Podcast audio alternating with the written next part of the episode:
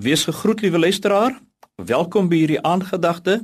Ek lees graag vir u 2 Konings 6 vers 16 en 17. Hy het geantwoord: Moenie bang wees nie. Die wat by ons is, is meer as wat hulle is. Elisa het gebid: Here, maak tog sy oë oop dat hy kan sien.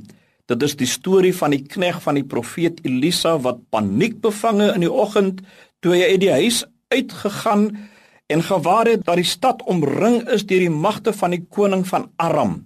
Sy reaksie was baie normaal. Hy was asval geskrik, lam van die skok, haas hy hom terug na Elisa.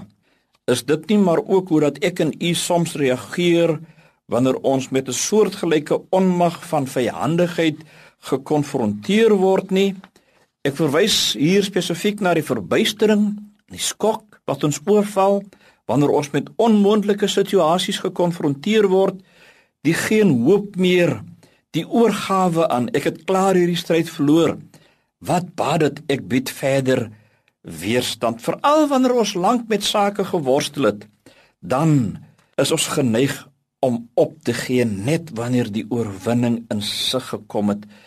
Is dit kommunikasie aangeleenthede waarmee ons worstel. Finansiële uitdagings of ons is dalk uitgevang en ons kan nou nie meer voorgee nie. Ons is ontmasker, blootgestel en weerloos. En dan sê ons ek het reeds so baie om mee te worstel. En nou nog dit ook, ek kan nie meer nie, ek moet vlug, ek moet iewers heen vlug. Maar helaas, daar is nêrens waarheen ek kan vlug met my smarte nie. Ek is omring. Dit is te hoog en te diep en te breed. Ek kan nie daar oorklim nie, ek kan nie daar onder nie, ek kan ook nie daar omgaan nie. Weet jy, dan wonder ons watter planne moet ek in werking stel om uit hierdie verknorsing uit te kom? Watter planne moet ek doen? Vir sommige van ons is hierdie storie dalk nie 'n storie wat van toepassing in ons huidige konteks is nie want ons is knoes, ons is veilig, ons is gerieflik in ons eie spasie.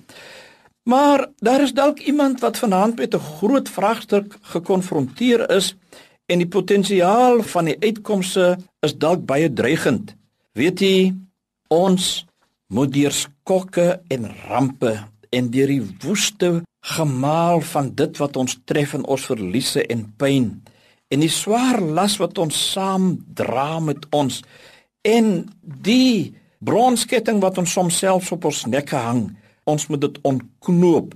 Ons moet die onmoontlike moontlik maak. Ons moet nuwe oë kry om te sien.